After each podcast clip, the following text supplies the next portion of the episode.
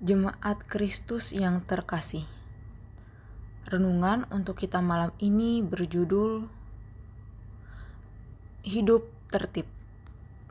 Dan bacaan kita diambil dari kitab Titus pertama, ayatnya yang ke-10 sampai dengan 16. Beginilah firman Tuhan.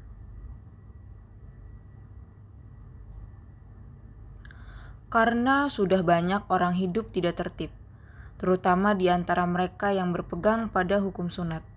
Dengan omongan yang sia-sia, mereka menyesatkan pikiran. Orang-orang semacam itu harus ditutup mulutnya, karena mereka mengacau banyak keluarga dengan mengajarkan yang tidak-tidak untuk mendapat untung yang memalukan.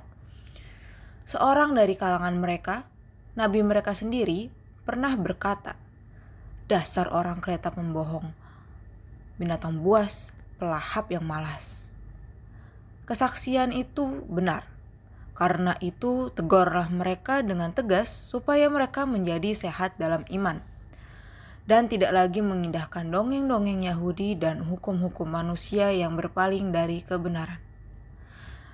Bagi orang suci semuanya suci, tetapi bagi orang najis dan bagi orang tidak beriman, suatu pun tidak ada yang suci, karena baik akal maupun suara hati mereka najis.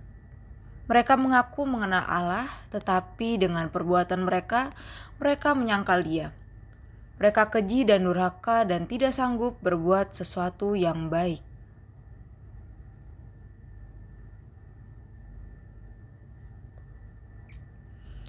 Apakah sulit untuk hidup tertib? Mudah untuk dikatakan sulit, untuk dilakukan, bukan? Mengapa demikian? Sebab kita selalu memiliki kecenderungan melanggar aturan demi keuntungan pribadi kita. Sebab salah satu alasan paling sederhana kita melanggar aturan karena kita tidak mau repot dan terbatas. Kita ingin semua sesuai dengan kemauan kita. Paulus menulis surat kepada Titus ketika ia diberikan tugas untuk mengangkat para penatua di kota Kreta. Banyak dari mereka yang hidupnya tidak lagi tertib dan hormat kepada Injil. Mereka justru lebih memilih hidup berdasarkan kehendak pribadi mereka semata. Paulus memerintahkan Titus agar ia mau menegur dan memperbaiki sikap orang-orang Kreta. Ini menjadi tanggung jawab Titus, sebab ia telah lebih mengetahui kebenaran Allah dan Paulus menitipkan jemaat ini kepadanya. Jemaat terkasih, seharusnya kita bersyukur ketika teguran Allah senantiasa datang kepada kita agar hidup kita tak melenceng ke sana dan kemari. Namun nyatanya, kadang kita malah marah dan kecewa dengan teguran Allah. Padahal kalau mau jujur, teguran yang diberikan Allah adalah sesuatu yang baik. Jadi, mari kita belajar untuk mendengar dan menyatakannya dalam hidup kita. Selamat belajar hidup dalam ketertiban ilahi.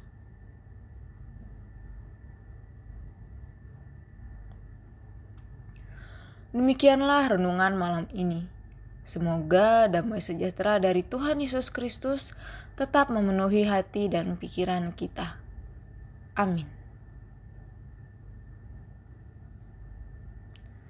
Jemaat yang terkasih, mari kita bersatu hati menaikkan pokok-pokok doa yang ada dalam gerakan doa 21 GKI Sarua Indah. Mari berdoa.